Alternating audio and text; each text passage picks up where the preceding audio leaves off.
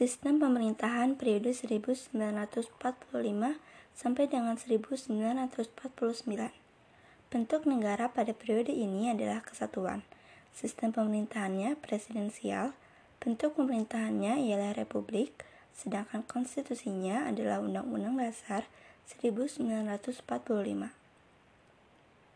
Sistem pemerintahan presidensial artinya presiden adalah kepala negara sekaligus kepala pemerintah sehingga pengambilan kebijakan, keputusan, pengaturan negara, dan lain-lain ditentukan oleh Presiden. Sistem pemerintahan Indonesia yang menganut presidensial saat itu belum terlaksana dengan baik dan secara utuh merepresentasikan rakyat Indonesia. Seharusnya ada kekuasaan mutlak yang terpisah antara eksekutif dan legislatif. Namun, lembaga legislatif khusus DPR pada saat itu masih dalam proses pembangunan, seperti lembaga-lembaga di Indonesia lainnya.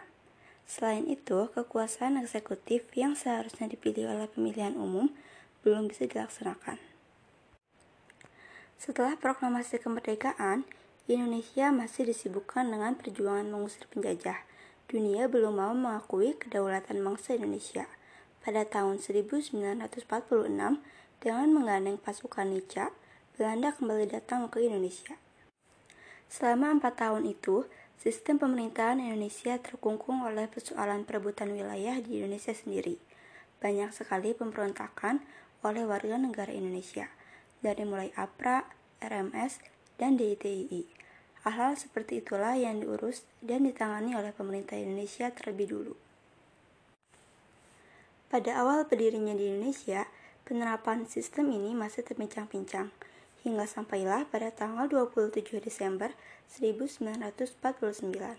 Di tahun itu dirumuskan kembali sistem pemerintahan Indonesia dengan mempertimbangkan kondisi sosial dan politik yang ada.